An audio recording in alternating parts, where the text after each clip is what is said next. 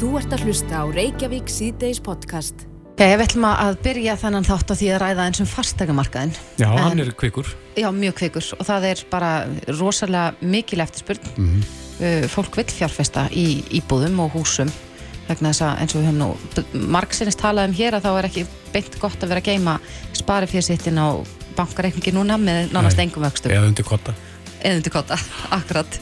En uh, Pall Pálsson fastegnarsal hjá 450 fastegnarsölu er komin til okkar, kom til sæl Sælublesið Þú varst að taka eins út sko, meðal fermetraverðinu, bera saman hvernig hverfin meðal fermetraverð innan hverfa mm -hmm. bara milli hverfa mm -hmm. hefur breyst að undarferðinu Já. Hvað er svona merkilegast sem þú komst að í þessum Sko ég tók saman raun og veru meðal fermetraverð eftir hverfum í óttúber 2020 fyrir 6 mánuður síðan. Og bar saman meðal fermetraverð eftir hverfum í mars 2021 mm -hmm. þannig að apriltölunar við fáum apriltölunar er ekki finn í lókmæ og uh, ég sé það að sko fjölbíli hafa almennt bara hækkað um 6,6% að meðan sérbílin hafa hækkað um 12% mm rúmlega 12,5 eitthvað svo leiðis Hvað segir þetta okkur? Því er það að séu fleiri að, að bítast um sérbíli? Já, það er bara, mætti segja minni það að, að eftirspurnin eftir sérbíli er bara það mikil að það er þau hafa þrýst alveg rosalega mikið upp á þessu stutta tíma. Mm -hmm. Er það mismönd eftir hverfum? Uh, já, það eru hverfi náttúrulega sem hafa hækkað, eins og svo breyðholt hafa hækkað nærið 20% verðhækkun en svo hefur miðbær, það er að segja í sérbíli mm -hmm. en svo hérna kemur kannski tala sem komir alveg gríðarlega mikið óvart er að sölutölur á millið þessar ef við bar saman þessar tvo mánuði að þá voru sko meðalfermetraverðið í miðbænum um 30% læra heldur en var í óttobel. Þannig að breyðholti fyrir upp og miðbæri niður. Já, það en, er bara svolítið þannig. Akkurat, þú færð þessar tölur frá uh, þjóðskrá, ekki satt? Jú, þetta eru bara harða tölur beint frá þjóðskrá og það sem er hægt að sjá bara hvernig uh, salan hefur verið á þessum tíma og, og hvert fermetraverði er Já, en, en þýðir þetta að sé mjög lítið af sérbílum sem að seldust á þessum tíma eh, serðu það? Sko, já, já, ég sé alveg fjöldan og það er sjálfum sem meiri sala er sérbílum núna heldur en að vera fyrra mm -hmm. en sko þessi, þessi 30% lækkun á sérbílinni í miðbæ Uh, einarinn verið skýringi ég bara leið mér að trú ég trú ekki að hún hafi lakkað um 30% mm -hmm. ég trú ekki svona tölum þó að þetta sé rauntölur en það getur skekt myndin og mér finnst líklegt að það sé eitthvað skökkmynd vegna þess að úrtækið hefur kannski verið lítið. Þannig að það eru kannski fáreiknir sem hafa selst og þá hefur einn, tvær sölur kannski á eldri eignum sem eru kannski liruð ástandi selst að lágu verði og það kannski skekkir svolítið meðal fermetraverðið en fjölbíli hefur líka lakkað í verðinni miðbæ á þessum tíma. Þannig að hérna á meðan til dæmis eins og uh, seltjarnines í fjölbíli hækkaði tölvert um einhver, einhver 17% af með minnir. Er þá bara minni eftirspurn eftir húsnaði í miðborginni?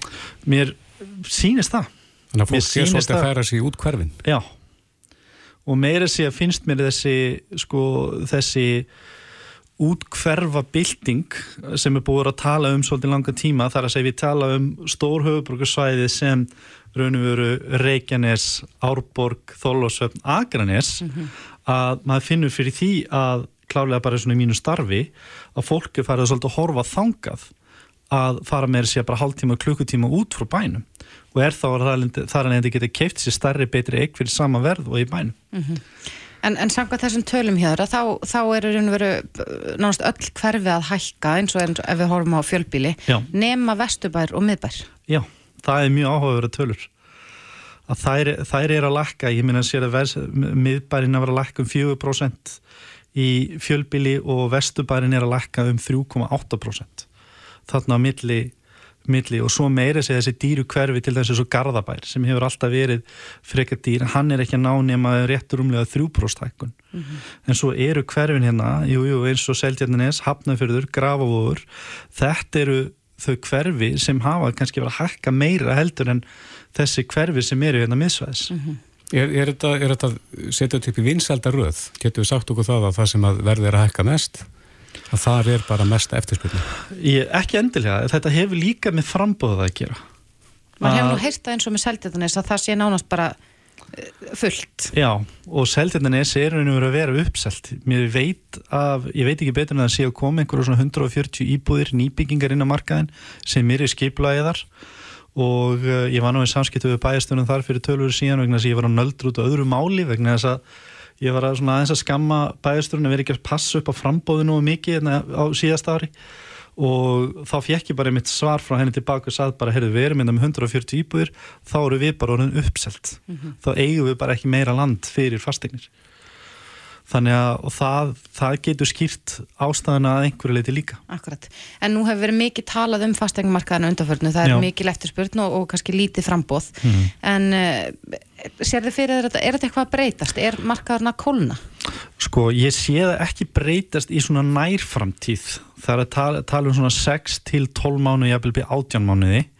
En ég sé alveg fyrir mig tímabil eftir svona 2 til 3 ár, 4 ár að, að þá munir þetta svona fyrst ná einhverju jafnvægi vegna þess að núna eru kannski að fara af staði verkefni vegna þess að mér fannst fólk vakna aðeins og seint í að passa jafnvægið fyrir, fyrir frambóði að, að þá mun mögulega koma eftir 24 ár að verða svona meiri jafnvægi og meiri frambóð á milli semst að það sem meiri jafnvægi á milli frambóðs og eftirspurn en eftirspurnin er klárlega meiri heldur en frambóðið er í dag Er það að fjárfesta í fastegn? Er það ennþá besta fjárfestingin? Að fjárfesta í steipu?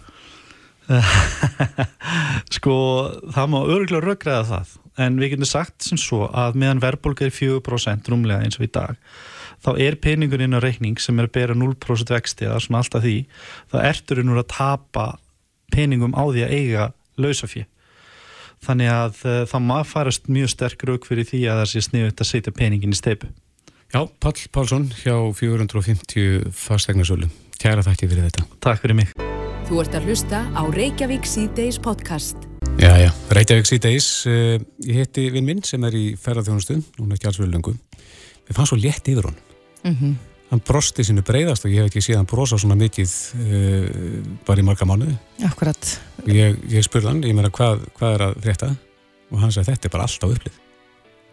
mér finnst maður bara líka sjá uh, túrista, ég hef verið uh, ég var í Vestmanni um helgina Mhm. og þar var bara þá nokkuð um túrista ekki bara, sko ég ég held að eina barða svona hafi kallað þetta hlaup í Vestmanni um, um ásátið miðaldra já, já, En það voru ekki bara miðaldra Íslendingar, heldur Nei. líka uh, túristar. já, einmitt. En það er spurning hvort að þetta svona sé gegnum gangandi við línuna í ferðarþjónustunni. Jóhannes Þór Skúlason, frangotastjóri samtaka ferðarþjónustunar er á línunni, kom til sæl. komið þið sæl. Já, er þetta, eru, eru margir sem að brosa hringin í dag? Það eru margir sem að eru léttari á brún núna, já, heldur að það voru fyrir kannski svona tveimur til þreimur mánuðin síðan. Þið vitið hvernig þetta er, þegar maður er búin að vera að ganga lengi í yðurmörskinni og, og er orðin fyrstur, þá er gott að fá vassopa. Það er ekki þar með sagt að maður sé kannski með aðganga brunaharanum, sko, en, en það er aðeins komið ljós við endan á gangunum. En Jóhannes, það voru nú einhverja spár um uh, sko, komu ferðamanna. Er þetta, gengur þetta betur en, en svona áætla var? Já, sko, ég held að við getum sagt að þetta gangi betur en, en við vorum að áætla í byrjun ás, janúar, februar og inn í, inn í mars, að þá leit þetta út fyrir að verða, þá voru svona tímalínundar að færast allar einhvern veginn aftar á sömarið, því muni hvernig það var, það voru tafir á bóluefnafendingu og alls konar eitthvað svona vesen. E, þannig við vorum farin að gera ráð fyrir því að þá er við kannski lítið að gerast hér í, í, í erlendu ferðamannum fyrir en kannski um júli, jável, miðjan júli og inn í ágúst. E, síðan kemur hins vegar þessi frábæra ákverðun um að hleypa bólusettu fólki frá bandaríkjunum og, og svo öðrum löndum utan Schengen inn til landsins eh, með viðjandi varúðar ástofunum og þá í rauninni opnast alveg nýjir möguleikar vegna þess að bólusetning til dæmis í bandaríkjunum er komin það langt. Að þar er orðin tölverðu markaðar fólki sem að vill bara fara að reyfa sig, er komin með ferðaviljan sem erum búin að býða svo lengi eftir. Og það er þessi hópur sem er fyrst og fremst að koma núna já, núna til landsins og, og, og er að bóka inn í júni og svona fyrir hluta og síðan erum við farin að sjá aðeins breyta líka og, og svona slæðing af, af öðrum þjóðum sem eru það sem þetta er komið svona það langt að það er einhver hópur sem, að, sem er tilbúin að fara að ferðast. Já, en þetta er fjölbreyttur hópur, þar að segja ferðarþjónustu aðeinar. Hva, hvar er svona helst að byrta til? Eitthvað stað þarf þetta fólk að gista? Það eru hótelið þá? Já, það er náttúrulega fyrst og fremst að byrta til, skulum við segja, hjá fyrirtækjum sem hafa verið að vinna mikið á bandarækjumarkaði enn sem komið er. E, brett þetta því sem hafa verið að vinna á breytlasmarkaði líka aðeins en fyrirtæki sem hafa algjörlega fókusað eh, sín verkefni á Þískaland, eh, eh, miðarupmarkaðin og annars líkt eru ekki að fá inn fólk uh, já, pratt núna í byrjun sumars en það er þó byrjuð að sjást bókanir uh, þó nokkuð svona inn á setni hluta sumarsins þannig að það múið segja að þetta sé, sé svona yfir línuna enn sem komið er fyrir það svolítið eftir því hvaða kunnahóp fyrirtækinn hafa verið að fókus á eða, eða hafa möguleika á því að, að vinna með. Uh, við getum eins og að séð að, að, að tegundir fyrirtækjana, það er eiga allar möguleika í þessu. Ég meina, eins og þú segir, fólk þarf að gista einhver starf, flestir taka sér bíl eða bíl eða fanta sér dagsferði með hópferðarbíl eða eitthvað slíkt, fanta sér ímiskonar aftreying og, og, og, og borða góðan mat á veitingastöðum, þannig að að eh, það má segja þetta svona dreifist að fíleiti nokkuð jamt yfir en, en það sem virðist vera að vera áhugavert núna er að þessi hópur sem er að koma, hann er bæði búin að eigða litlu af peningum í, í ferðalög, þetta farið eitt og halvt ár kannski mm -hmm. eins og flestir í veröldinni e, en og er þess að komið svolítið þarf og, og þetta er líka þá fólk sem að kannski kreppu ástandið hafði ekki mjög mikil áhrif á þar, þetta er fólk sem að er ennþá nægilega velstætt til þess að ferðast. Akkurat, en er þetta fólk þá að, að eigða meiri pening hér? Já, það er svona, í heildina litið þá sínist okkur að það geti verið, að það sé svona verðmættin á hvert ferðamann séu heldur meiri en við eigum að vennjast. Mm -hmm. e, það er að segja, fólk kaupir sér heldur fleiri nætur, er, er aðeins lengur en meðaltalið segir til um kaupir sér aðeins fleiri eh, hérna aftreyingar tækifæri fer í fleiri ferður og slíkt og fer aðeins lengra út á, út á landa því að það eru litið lengur. Þannig að, þetta er svona allir þessir indikatorar eru aðeins betri enn í venjulegu ári enn sem komir og það er bara frábært. Það þýðir að það lítur út fyrir að að við gætum verið að sjá heldur meiri verðmætti á mhm. hvert ferðamann út úr þessu sumri heldur en við erum vön. En, það, er eitthvað sem við þurfum á að halda.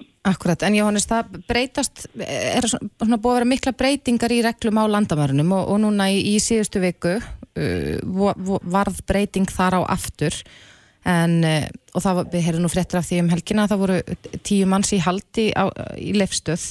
Heldur að það komi ítla út fyrir okkur svona, já, út á við að, að regluna breytist ört? Það er náttúrulega aldrei mjög þægilegt fyrir ferðarþjónustuna svona þegar það er mikla, mikla öra reglubreitingar.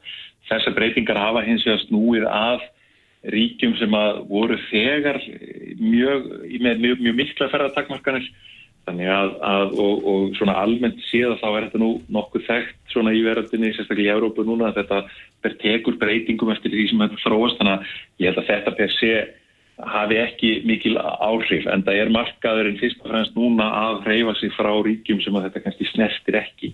Það sem við myndum helst vilja sjá e, og væri held í skinsamlegt væri að, að e, við förum að, að skoða betur möguleikan á því að nota þessi hraðpróf e, og, og hvort að þörfir á að, að til dæmis skima bólusett fólk e, frá með fyrsta júni Eh, bara einfallega til þess að eins og, eins og Víðir og, og Þórólur hafa sjálfur bent á að, að koma til móts við þess að takmörkuðu skimunargetu sem við höfum að ég held að það sé, sé hægt að leysa þetta á, á eitthvað skinsanlega máta þar sem að hægt væri að nota hraðbróf þar sem því verður við komið og örgar máta mm -hmm. Svo rétt aðeins og lókin, hvað, hvað er það heldur sem að er að toga fólk hingað núna? Ég sko við sjáum það á öllum konunum að, að Ísland bara sem áfangastadur er ennþá áhrifaríkur þar að segja að það er mikil áhuga á Íslandi bara sem áfangast að almennt. Það hefur ekkert minkað allan þennan tíma. Það er þá vantilega náttúran. Það er fyrst og fremst náttúran. Uh, svo hefur við séð bara gósið líka og ímislegt alls konar frettir sem er að berast tíðan uh, um það hvað okkur gengur vel í þessu, þessari barótti. Það er ímislegt sem hefur haldið okkur á, á lofti í, í frettamöðlunum og það hjálpar alltaf til en það er að sjálfsögðu alltaf uh, náttúran. En heldur að víðáttan spil eitthvað þar í líka? Jóhannes, já. Það er ekki, miða við það sem maður hefur séð þá er það ekki kannski beinlinis uh, stóri punkturinn en það skemmir öruglega ekki fyrir. Akkurat. Jóhannes Þór Skólason, frangvöldastjóri samtaka ferðarþjónustunar. Takk fyrir spjallið. Gerða ekki. Hlustaðu hvena sem er á Reykjavík C-Days podcast. Þegar nú lengi verið haldið fram að einn stærsti heilbriðisvandi þjóðarinnar og reyndar fleiri þjóða sé vaksandi offita. Mm -hmm. En e, það var lögð fram fyrirspurn á þingi þar sem að heilbriðisáþur var spurður út í offitu aðgerðir Akkurat, þessi fyrirspurn var í, í nokkrum uh, liðum og nú er komin, komin svar við þessari fyrirspurn og, og þarna er hann Andris Ingi Jónsson að spurja um offitu aðgerðis mm -hmm. og, og þessar tölur eru, ég, ég held að það séu nokkuð sláandi, maður er að sjá sko að, að á nokkrum árum hafa, hafa, hefur tvöfaldast fjöldin, uh, fjöldi þeirra sem hafa farið í offitu aðgerði hjá uh, engaðalum hérlandi. Já, tvöfaldast ár frá ári. Ár frá ári, akkurat. 2017 62, 2018 130 2019 237 fyrir upp í 500 2020 og stefnir í 1000 árið 2021 þannig að þetta er bara tvöföldun, rúmlega það. Á milli ára. Andri Singi er á línni, kom til sæl. Jú, sælur þið Hvað, hvað rakði til þess að spyrjast þér um offittu aðgæðir? Það var einmitt þetta, ég hafði nú haft spurnir af því að það væri aukin ásókn í þessar aðgerðu og við veitum sjá hvert umfangi væri og hvaða eh, rög eða hvað, hvað, hvað svona utanumhald væri í kringum þetta síðan. Mm -hmm. og ég veit nú ekki ég bjóst ekki við þetta dramatískun tölum, þetta er alveg sko eins og segir, þetta eru rosalegar tölur mm -hmm. En þýða þessar tölur að, að það séu fleiri sem er að glýma við offötu eða fleiri sem að eh, reyna að taka á þessum vanda? Sko þetta er nefnilega hérna, er erfitt að taka á þessu vegna þess að e, sko, það, það má til dæmis benda á að forvarnir uh, undarfærið hafa kannski verið of þingdamiðar eh, af því að sko þingdin sem slík segir ekkert andilega allt um heilbreið fólks. En vegna þess að sko nálgunin í líðhessu hefur verið þingdamiðu þá hefur kannski verið gert mikið úr sko skaðsemi ofþingdar og, og lögða áherslu að draga úr þingdaraukningu og það hefur síðan aðlega af sér í samfélaginu fytufordóma og, og mismunun og leitt fólk út í að vel sko skadlegar þingdatapstilrænir uh, eh, og við fyrstum held ég bara að skoða hvort að hluti að þessari aukningu sé fólk að sækja í þessar aðgerri sem að eru alls ekki hættulegsar þegar einhver önnur úrræði væru kannski betri upp á það að tryggja heilbriði þó að, að hérna, myndu ekki endilega tryggja þingdatapl. En veistu hversu margir af þessum sem að þarna leggjast undir nýfin hafa reynt önnur úræði sem hafa bara ekki gengið? Nei, það kemur ekki fram, en sko það, það sem maður hefur áhyggjur af er þegar svona stór hluti af aðgerðunum eru á stofum út í bæ, en ekki sko hjá landsbytalinn. Landsbytalinn er ekki með nema sko brota brota þessum fjölda, það eru hvað 60 eitthvað á ári þar, búið saman við að vera þúsund hjá engaðilum. Mm -hmm. uh, hvort að já, fólk sé kannski ekki búið náðu vel undir þessar aðgerði, hvort það sé ekki farið yfir aðra kosti í stöðunni. Þetta kemur bara til engastofu og segir ég vil fá hérna eina ofita aðgerð takk og, og það er kannski ekki spurt ná marga spurninga um heildar mat á, á líðan og helsu viðkomandi, heldur bara orði við þessari ósk viðskiptavinnar. Akkurat, en, en það var akkurat eitt liður í fyrirspurninni þinni að þú spurður hvað skilir þið þarf að uppfylla til þess að gangast undir slíka aðferð. Hvaða svör fegstu við því? Já, sko klínísku leifinningarna snúast bara um líkvæmstingtastöður, meira og minna. Uh, en síðan er ekki uh, farið út í það í svarinu hvernig það er síðan varðandi, varðandi það hvort að ja, hvernig þessu fyllt eftir, hvort, uh, hvort þessir engaðalar út í bæ til dæmis séu mjög strángir á þessu eða, eða fari yfir aðra kosti í stöðunni með fólki. Þannig að uh, það er eins og ósvarað þarna í, í því sem ég fekk frá ræðanendinu. Er, finnst þér þetta ekki fullnægandi svöra þínum, eða er þetta ekki fullnægandi svöra þínum að þið? Nei, það þarf meira þetta og svo vakna líka fleiri spurningar þegar að, þetta, við erum komið þetta svar í hendurnar. Ég spyr til dæmis um sko hversu oft fylgikvillar koma í kjálfar aðgerðina. Mm -hmm og það er þannig að sko það vísa í rannsókn á íslenskum sjúklingum sem sýnir að sko 4,8% er að fá snemkomna fylgjikvilla innan 30 daga það aðgerð og 20% síðkomna fylgjikvilla mm -hmm. og þegar við erum að tala um þúsund manns á ári þá er þetta orðin daldið stór hópur sem er að fá sko mögulega alvarlega fylgjikvilla aðgerðar sem að þarf að skoða hvort hafi endilega skila þeim árumri sem hún átt að gera. Mm. Og þetta er síðan fylgjikvilla sem að lenda hjá ofinbæra helbreyðiskerfuna því að það er landsbítalinn sem er, er hérna að taka á, á, á fylgjikvillanum. Já. En þú spurði líka hvort að lífslíkur þeirra sem gangastundur ofið og aðgerð aukist við þessar aðgerðir. Hvert á svari við því? Já, þar er uh, svarið í rauninni að ef að þessar aðgerðir eru gerðar á réttum fórsendum og, og skila þeim árangur sem er eiga að gera, þá jú, skila það réttum lífslíkum. Að uh, það ganga tilbaka ymsir efnarskipta kvillar sem að, að hérna, fólk getur verið að kljást við vegna Eh, vegna líkansástand mm -hmm. eins og sko, mingar lík, líkur á sykusíki og, og, og hérna, kæfisvöldum akkurat mm -hmm. en, en sko það en svo, er, svo, svo, svo er það hópurinn sem að sko hef, hefði kannski bara vel geta verið í ofþyngd en samt talist bara nokkuð hraustur og helbriður af því að það, það að vera með háan hérna, þingdastuðil, það fyrir ekkit andilega fólk sé óheilbreytt. Mm -hmm. En hvað vilt þú sjá gert í þessu? Viltu frekara að, að fólk fari þá í einhvers konar rannsókn eins og það með þetta þó að einhvers sé þungur að þá getur vel verið að viðkomandi sé heilbreyður einstaklingur? Það er einmitt, það er spurningin sko, hvort við þurfum ekki að skoða þetta meira heildrætt af því að það skiptir máli hvernig fólki líður handlega og líkamlega og félagslega. Heilbreyð og velja er bara flóki samspil af ólíkum þáttum og ef að þessar aðgerðir eru að ráðast á sko einn hluta mögulegs vanda þá er ekkert vist að það leysi endilega allt sem þarf að leysa fólk sem að fer í svona aðgerð það getur vel kljáðast við sykusíki eða hjart og eðasúttuma fráttur að hafa farið aðgerðina mm -hmm. sem hefði kannski geta sloppið við það með öðrum leiðum Já, alltaf er þetta eitthvað meira í þessu máli? Já, það, ég held að sé nú allavega sko, tilefni til að spyrja frekar út í hluti sem að er verðna ósvarað og spurningar sem vakna í framhald af því. Og svo erum við reynda með inn á þinginu núna uh, þingsálfstöndum til heilbríðsáþara um, um hérna, stefni í lífhelsu. Það sem að þarf náttúrulega að, að koma inn á þetta, þessa, þessa heildrænin algun á heilbríði. Mm -hmm. Já. Andri Singi Jónsson, þingmaður, við fylgjumst með því sem að kemur í kjálfari. Kæra þakki fyrir spjallið.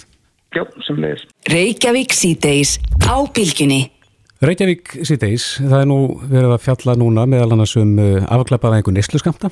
Akkurat, heilbríðsáþur er búin að leggja fram frumvarp á alþingi um afglæpaðæðingu neysluskamta og, og það er nú búin að tala um þetta lengi, það, þetta er í þriða sinn sem að það er lagt frumvarp, fram frumvarp á þingi Einmitt. um þetta málumni. Og sitt sín í skverjum og uh, það var til dæmis komið uh, umsagnir frá þremur aðunum sem að hafa líst sig andvíða mm -hmm. uh, þessu skrefi í það minnst eins og það er lagt fram og það er landlæknisembættið og, og Læknafélag Íslands mm -hmm. og svo lauruglustjórin á Norðanandi Eistra, Páli Borgþórsdóttir, er á línu, kom til sæl. Já, komið sæl. Já, þið skrifið umsögn um, um uh, þetta frumvarp. Hvað er það svona sem að fyrir helst fyrir brjóstið á ykkur? Já, fyrir brjóstið á okkur. Ég veit ekki hvort að það sé rétt að orðalagi. Já, já.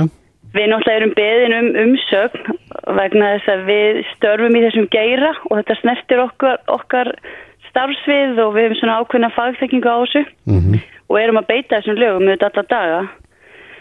Það sem okkur þykir einna svona erfiðast við það að geta stutt þetta er að þetta gengur lengra heldur en að yfirlýst markmið hafa verið. Að hvaða leiti þá?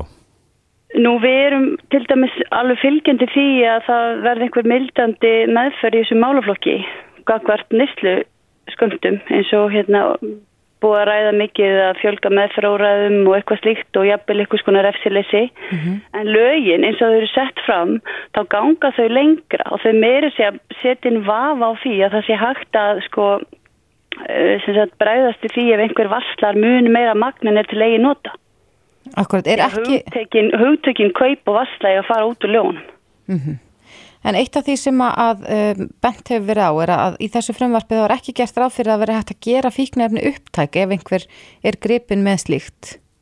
einmitt, og við bendum einni á þetta því að þetta gerir okkur uh, mjög erfitt fyrir að taka þá á við starri brot heldur svo kallega nýstliskamta. Uh, það er ekki gerður greinamunni í lögunum á upptöku eða haldlagningu en segir samt í greinagerinu með frumarpinu að lögurgla get ekki haldlagt og það verð ekki hægt að hérna, fara fram á upptöku það þýðir það að lögurglann getur ekki eins og skoða hvaða magðu út með eða hvaða efni er þetta, hver er styrklegin, er þetta til eiginóta eða er þetta til einhvers annars. Þetta mm. gerur okkur algjörlega hérna, máti því að breyðast við. Mm. Er þetta þá hugsanlega skrefið þá átt að lögleiða fíknifni þar að segja að það er eitt að afglæpa veiða og síðan annað að, að lögleiða? Já, við getum ekki skipt okkur af uh, neitni vörslu nánast. Fólk getur verið að neita fíknefna í rauninni hvar sem er án þess að við getum í rauninni bröðust við því. Mm -hmm. Við sjáum þetta þannig, fyrst við eigum ekki að fá heimildi til upptökuða haldstakningu eins og til dæmis norðum er náttúrulega leggja til að sé sem er endar ekki komið í, í gegnum þingi hjá þeim. Þeir eru búin að vera að vinna þetta síðan 2019 og ekki dóðarlegt við það. Þá gera þeir alltaf ráð fyrir upptökunni að það veri sem sagt nótkunnin veri stöðuð og efni verði hérna að halda þau og þau svo gerði upptök. Mm -hmm. En þá refsi leysi, í raun og veru þá eina refsingi væri svo þá að, að efnin eru gerði upptæk? Já, það eru náttúrulega margir sem að tala um það og það er svo sem hefur heyrst í umræðinu það ætti að vera nóg, akkord fólki sem er í þessari nýstlu. Uh, nú, flesta þjóðir í dag vilja ganga lengra og bjóða það fólki eitthvað skona meðferðartíma, bjóða eitthvað tíma hjá félagsrákjaða eitthvað slíkt. Um mm. þetta fjalla frumvarfi ekki og það þykir svolítið sérstaklega ef við ætlum að fara í svona mikla stefnubreitingu að undibúningurinn sé þá ekki hérna lengri og það sé ykkur aðdraðanda því hvernig á sinna forverkum, kakart ungu fólki hvar, hvar á að bæta við meðfráraðum, hvernig á þetta samtala vera millir neytinda og svo þá meðfráraðila eða, eða félagsstjónustunar eða eitthvað slíkt. Já, teljið þið að ef að þetta fyrir að verður að lögum að þetta minu auka neyslu? Já, klálega. Hvernig þá? Það verður bara ekkit aðhald með neslu náttúrulega á fíknæfni. Þú getur keft þér fíknæfni, það er eftirlust að kaupa sér fíknæfni og varslaði á ákveðinu magni og við höfum þetta líka á að gera því að magnið á að tiltaka í reglugerð en við teljum okkur þurfa mjög fast land undir fætur þarna ef við ætlum að, hérna, að það, það þurfir að binda efni til eigi nota og magnir þá í lög. Þannig að reglugerð myndi ekki döga í, í, í því samengi? Nei, við teljum ekki því að sko refsi heimildir það er svona rík krafa um skýrleika þeirra og ef þau eru ekki skýr og það er einhver vafi í málunum þá fer það ekki lengra. Er þetta almennt viðþorf innan lauruglunar? Já, lauruglustjóra félagið er búið að senda frá sér umsögn sem er líka á netinu og, og hérna lauruglustjórna höfburgarsæðinu líka, ríkislauruglustjóri líka og þetta er svo sem allt svo sem á með svipu sniði að við erum embættinir og, og lauruglæðin landinu öll tilbúin til að líta jákvæmt á mildandi meðferð og auka meðferðóraði og líta á þá sem eru sjúklingar að þeirra málega meðhendlast af heilbrískerfinu. Það er ekki það sem ágrinningun snýst um. Heldur hversu langt þetta frumvarp er að ganga, það eru öll fíknefni aðna undir. Og eins og löggefin okkar er varandi áfengi í dag, þá þurftum við að hella niður bjór hjá 18 ára barni, en hann mætti samt vera áfram með heroinu og oxykontinni í vassanum. Og því getur ekki gert það upptækt? Nei, ekki með við það að þú megi vera með þess að nýstliskamta og það er líka verið að opna þarna fyrir livseilskild liv sem okkur þykir gríðarlega varhugavert.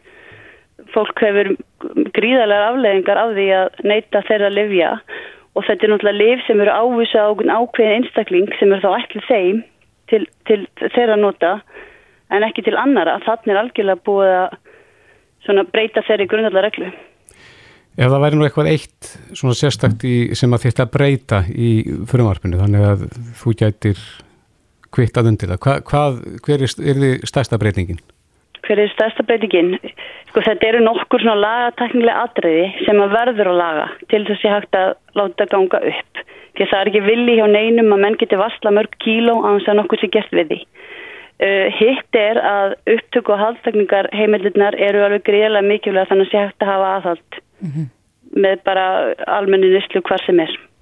Þú mótti ekki eins og reykja á veitikastæði í dag og við höfum afskiptað fólki vegna ölfunur og almanna færi en það gildir ekki um þá sérum dráðhauðum fíknefna. Þannig að þið viljið sjá breytingu á þessu og, Já, og í raun og veru eru- óskið eftir því en, en núna er, er, er þetta mál bara á þinginu og þá eftir að, að já, fara í gegnum þingið Já, já, og við erum bóðuð, öll, hérna, allir umsagnar eru bóðar að fundja á velferðarnemdini þar sem að við verum beðin um að skýra okkar sjónamið og verum farið vel yfir þetta. og er þið Og vongóð að vonandi vera bara- hlustað á það?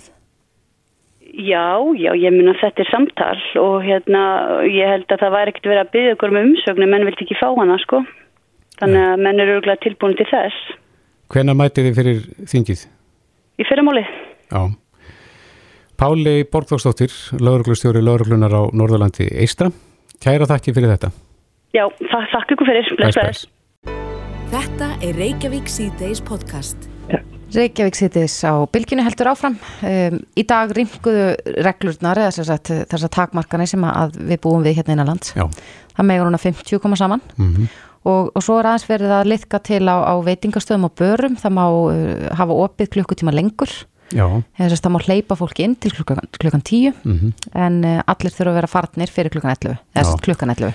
Vertarnir hljóta brosa þá aðeins breyða núna eftir þessa rýmkun. Já, en maður hefur nú þó- heyrt gaggrinni uh, Já. eftir, eftir að þessar reglu voru kynntar fyrir helgi en manni sýnist samt á öllu að það sé svona einhver uppgangur í, á veitingamarkaði. Er ekki verið að opna nýja staði svona hér og þar? Jú, við sáum, heyrðu nú að því hérna fyrir helgi hjá honum Ívari Guðmundsinni að, að Helgi Björs er að fara að opna veitingastað Já. eða skemmtistað eða, Mhm. eða bæði Já. á Hotel Borg og svo les maður fréttir af, af fleirum, fleirum sem er að opna nýja staði. Mm. En er það vegna þess að aðrir hafa lagt upp laupana og búið að búa til pláss eða, eða hvað? Það er góð spurning. Á línu hjá okkur er Hrefna Björk Sverisdóttir, hún er stjórnarkona í félagi fyrirtækja á veitingamarkaði, kom til sæl. Sælublessuð. Já, kannski fyrst að, að, að þessari spurningu, er, er að skapast rými fyrir nýja veitingastæði vegna þess að, að aðrir hafa hreinlega hætt rekstri? Já, það er alveg hérna klást að það hafa náttúrulega margir horfið af markanum á síðastinu ári og, og þá myndast rými og svo er náttúrulega virðist þetta vera að gerast nokkur hrætt að ferðamannir eru farnir að koma til landsins og þeir þurfa náttúrulega allir að borða þannig að hérna það mun vera pláss fyrir nýja staði á Mhm. næstunni. En hérna ertu með tölu yfir þessa staði, hversu margir lifðu ekki af þennan, harða veður? Nei, því miður erum við ekki með nákvæmlega tölu uh, yfir þá staði en það, er, það, er, það eru á tugum upp í hundru staði sem að hafa farið. Ná, já, kringu það myndum við svona gíska en við erum ekki með nefnar ofnbæra tölur en það er svona það sem að við höfum svona verið að uh, þegar við erum að taka púlsinn og það sem við höfum verið svona skrá hjá okkur. Mm Þannig að við munum sjá nýja staði opna vonandi á næstunni í, í þessum rýmum. Já, ég myndi að telja alla líkur á því. Eh, Það veldur auðvitað mikið á því hversu hratt ferðamennir koma til landsins Eh, það- en við náttúrulega, það eru bara 300.000 manns á Íslandi og þó svo Íslandikar hafi náttúrulega verið mjög duglegir að fara út að borða þegar þeir hafa hérna, haft tækifæri til og, og, og, og hérna, þá er náttúrulega svakalegur munur þegar við erum að sjá eina til tvær miljónir ferðamanna koma til landsins. Mhm. Þannig að það þarf mikið að sætum, auka sætum til þess að, hérna, til þess að fóðra þá munna. Já, eru þið veitingamenn, eru þið farin að finna fyrir eh, þessum auknu opnum, opnunum og, og auknu fjölda ferðamanna sem að hingað er að koma? Já, við finnum það strax sérstaklega einmitt staðir sem eru niður í bæ og eru svona kannski á þessum fjöl, fjölförnustu stöðum, þá finnum maður það strax að það kemur aukning á hérna borðapöntunum. Mm og, og eru þið bjart sín fyrir sumrinu? Nú hefur maður heyrt af því að, að ég held að veri stærsti dagur hinga til allavega í leifstu og komu einhver þúsund ferðamenn held ég á lögadaginn. Eru þið bjart sín, já, fyrir sumrinu og, og kannski bara haustinu og því sem koma skal? Já, sko við erum í rauninni mjög bjart sín með uh, eftirspurnina. Það er að segja það að við séum að fara að sjá fleiri koma og fleiri sækja staðina. Hins vegar uh, var greinin komin í töluverð vandræði fyrir COVID af uh, öðrum sökum og þá helst uh, lífskjærasamningunum sem að fóru mjög illa á manni greinin okkar og við erum að sjá það að við erum með langhæsta launahlutfallið í greinni af öllum þeim löndum sem við berum okkur sama við og hvort það er á Norðurlöndunum eða öðrum Evrópulöndum. Uh, Það hefur verið að hækka áfengisgjaldið sem er nú þegar það hæðsta í heiminum. Þannig að uh, veitingagerinn var komin í svolítið þrönga stöðu fyrir og svo auðvitað bætist ofan á hérna, gráttáðun sérst að það krónan hefur náttúrulega hérna, er ekki að hjálpa okkur. Þar sem að mikið að verum sem við aðfengur sem við kaupum eru í erlendri mynd í rauninni. Mhm. þannig að uh, þó að við séum vissulega bjart sín með eftirspurnina þá verður þetta erfiður uh, erfiði tíma framöndan í rauninni rekstralega séð. Hvernig fólk ætlar að ná endum saman En hyggist þið eh, fara í þennan slag að, að, reyna að já, breyta þessu eins og tala um með lífskjærasamning og launaliðin? Já, við, það, sko veitingagerin er fullur að vilja til þess. Uh, við okkar geiri vill gera það og við viljum og höfum verið að benda á að sé, það sé betra fyrir okkur að vera með sérsamninga þar sem að greinin er mjög uh, ólík öðrum geirum og það er sennilega svolítið einkennilegt að það sé verið að semja fyrir okkur á sama tíma og það sé að verið að semja fyrir aðra stjættir sem eru meira með fólki í fullum störfum, eru meira fólki á dagvinnu meðan okkar starf eh, einkennist af mjög mörgum einstaklingum í hlutastörfum uh, með litla starfsvinslu og náttúrulega flesti sem að vinna á kvöldinu um helgar. Við höfum verið að benda á það og, og höfum verið að óska eftir að sé reynilega fært í sér samninga bara út frá því hvernig starfseminn okkar er uppbyggð og að sé að þá teki meira til, til, til og hort reynilega bara til til dæmis Norðurlandana sem eru bara með auðvísu uppbyggingu á samningunum. Við erum ekki að byggja um leiðræting á krónutölu en við erum einfallega að byggja raunum að sé leiðrétt hvenar álagsgreðslur hefjast, hvað þar eru háar og þess áttar. Mm -hmm. En Hrefna, þú talar um að þið hafið ekki áhyggjur af, af eftirspurninni, en getið þið bóðið öllum sem að, að vilja fara út að borða til dæmis í miðbænum inn með þessum takmörkunum sem eru núna? Nei, við getum náttúrulega ekki alveg fullnýtt staðina og uh, það er mjög erfitt að fá borð sérstaklega þessum háana tímum, þaustutum og lögatum og eins og núna miðugudaginn þegar það er frítagur eftir. Mm -hmm. Þannig að það er mjög erfitt en staðinir eru að koma, auðvitað eru innviðnir til, hvað segja það er mikið af veitingastöðum til staðar sem er raunin hægt bara að taka líkilinn og opna og við sjáum það núna á þessum fréttum sem er að berast að það er að bætast við staðir.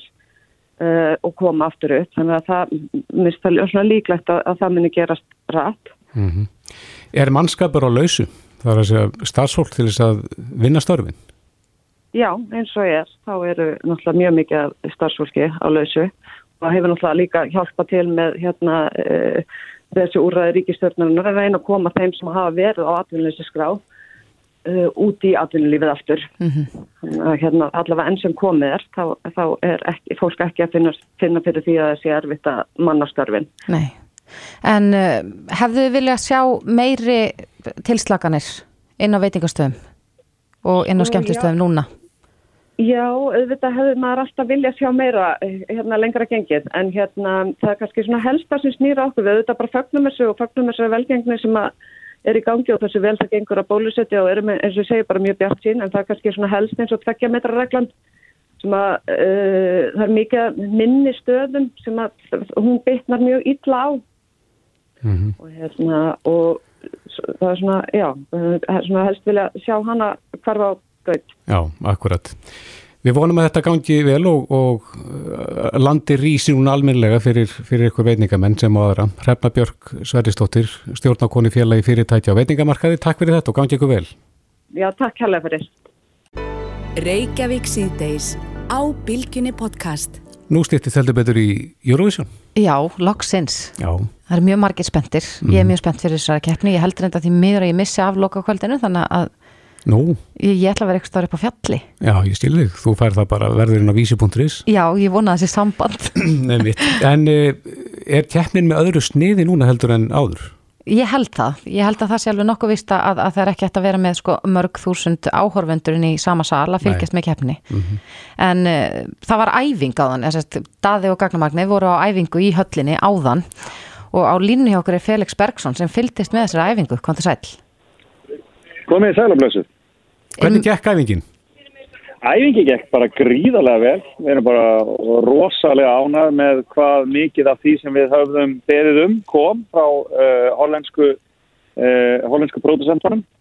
Uh, við vorum búin að sjá svona það sem þið kalla stand-inur í hössum, þar sem við vorum búin að vera með annað fólk en, en, en dara á sviðinu til að sína okkur hvað þeir væri að vinna í og við höfum gert margar aðtvaðsendir við það, það reynsli. Uh, og núna vorum við bara að sjá hvað þeir höfðu tekið inn að því og þetta var bara, við vorum alveg rosalega ána með það sem við fengum og viðbröðin bara mjög góð hefur með allt í kringum okkur. það er mjög spennand að fylgjast með þessu en eh, Felix, hvernig verður keppnin í ár? Hvernig, í fyrra náttúrulega var nánast, já, það var alltaf hægt að segja að hafi verið í fyrra það voru hérna Nei, bara í sjónvarpinu ekki. nei, en við, við fengum allavega svona smá smjör þegar og fengum að sjá lögin sem átt að taka þetta í fyrra en hvernig verður þetta núna? Bara vennilegt Eurovision, það verður bara keppni. Það verður bara 39 þjóðir sem að stíga á svið, líka sín lög og uh, dómnefndir og áhörundur kjósa, þetta verður bara ekkert öðruvísi en venjulega, nema þú veist að vera færri áhörundur, það verður 3500 áhörundur í höllinni, í staðan fyrir 10.000 en það þýr það, það verður á, viðbröð áhörunda og þetta verður bara allt eins og í rauninni eh, eins eðlilegt og mögulegt er. eh, og uh, verður bara venjulegt Eurovision. Ég held að enginn sem horfður á sjónvastaftinni eftir að sjá þetta á neitt máta öðruvísi. Þannig að þetta verður bara, já, ég held að við, við eigum bara vona á ótrúlega skemmtilegum sjónvarsviðburði. Já, en Daði náttúrulega, hann var stjarnar síðast árs og, og vann þetta náttúrulega með miklum yfirbörðum uh, að þér við höldum fram. Eh, Finnið þið fyrir Já, því, er hann, hann, hann vinsætlat núti?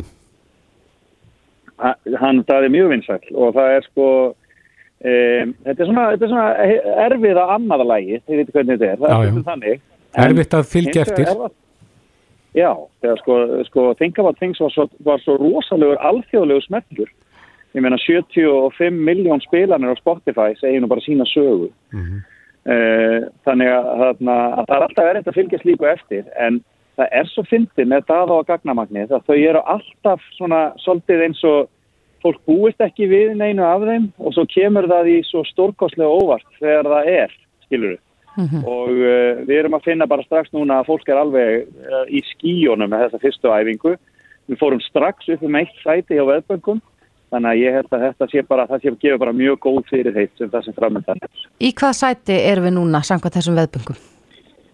Fyrsta sæti Fymta sæti, það er nú mjög gott, hlýtur að teljast svona bara- nokkuð löngu fyrir keppni. Það er bara frábært. Já, það er ekki langt í hana, það eru tíu dagar, þannig að það er nú aldrei gott að vera þar núna. Já, við Og, verðum eh, á setna kvöldinu, er það ekki, Felix? Jú, 50 daginn 20. er okkar keppni uh, og svo vonast við til að komast í úslitin og fá að keppa líka 22. mæ. Já, topp á réttum tíma. Topp á réttum tíma og mér finnst það að vera svolítið þegar þetta snýstum og þau eru bara ótrúlega skemmtilega og sjarmerandi og, og heitla fólk hér alveg gjörsanlega upp úr skónum þannig að við erum bara, ég get ekki verið sáttari við hvernig þetta gengur alls. Felix Bergson, þú ert farastjórið það ekki þetta núti? Jú, jú, jú. Hvað, head of delegation heitir það ennsku, það er betra það er, sko, það er, það er virðulegri titill á ennsku Já. head of delegation er mikið flottar heldur en farastjóri þannig að já, þannig, þannig er það, já. En svona rétt aðeins í, í lokin, hvernig verður framaldi? Hvað, hvað býður eitthvað núna? Uh, núna erum við að fara á blagamannafund uh, og uh, síðan erum við uh, að fara í nokkur viðtöl hér, það er að fitta nokkra bladamenn uh, frá hinum og þessum uh, fjölmiðlum og svo förum við bara upp á hótel og chillum í kvöld og, og fagnum góðum degi og uh, síðan er næsta æfing hjá okkur á fimmtudaginn og svo uh, býðum við fram á miðugudaginn næstu viku að byrja æfintýrið aftur hér í höllin. Þetta er mjög spennandi og við fylgjast með, við sendum bara bestu kveðjur til, til ykkar í Rotterdam. Felix Bergson, kæra þakkir. Já, já, bless, bless. Bless. Reykjavík síðdeis á Bilginni podcast.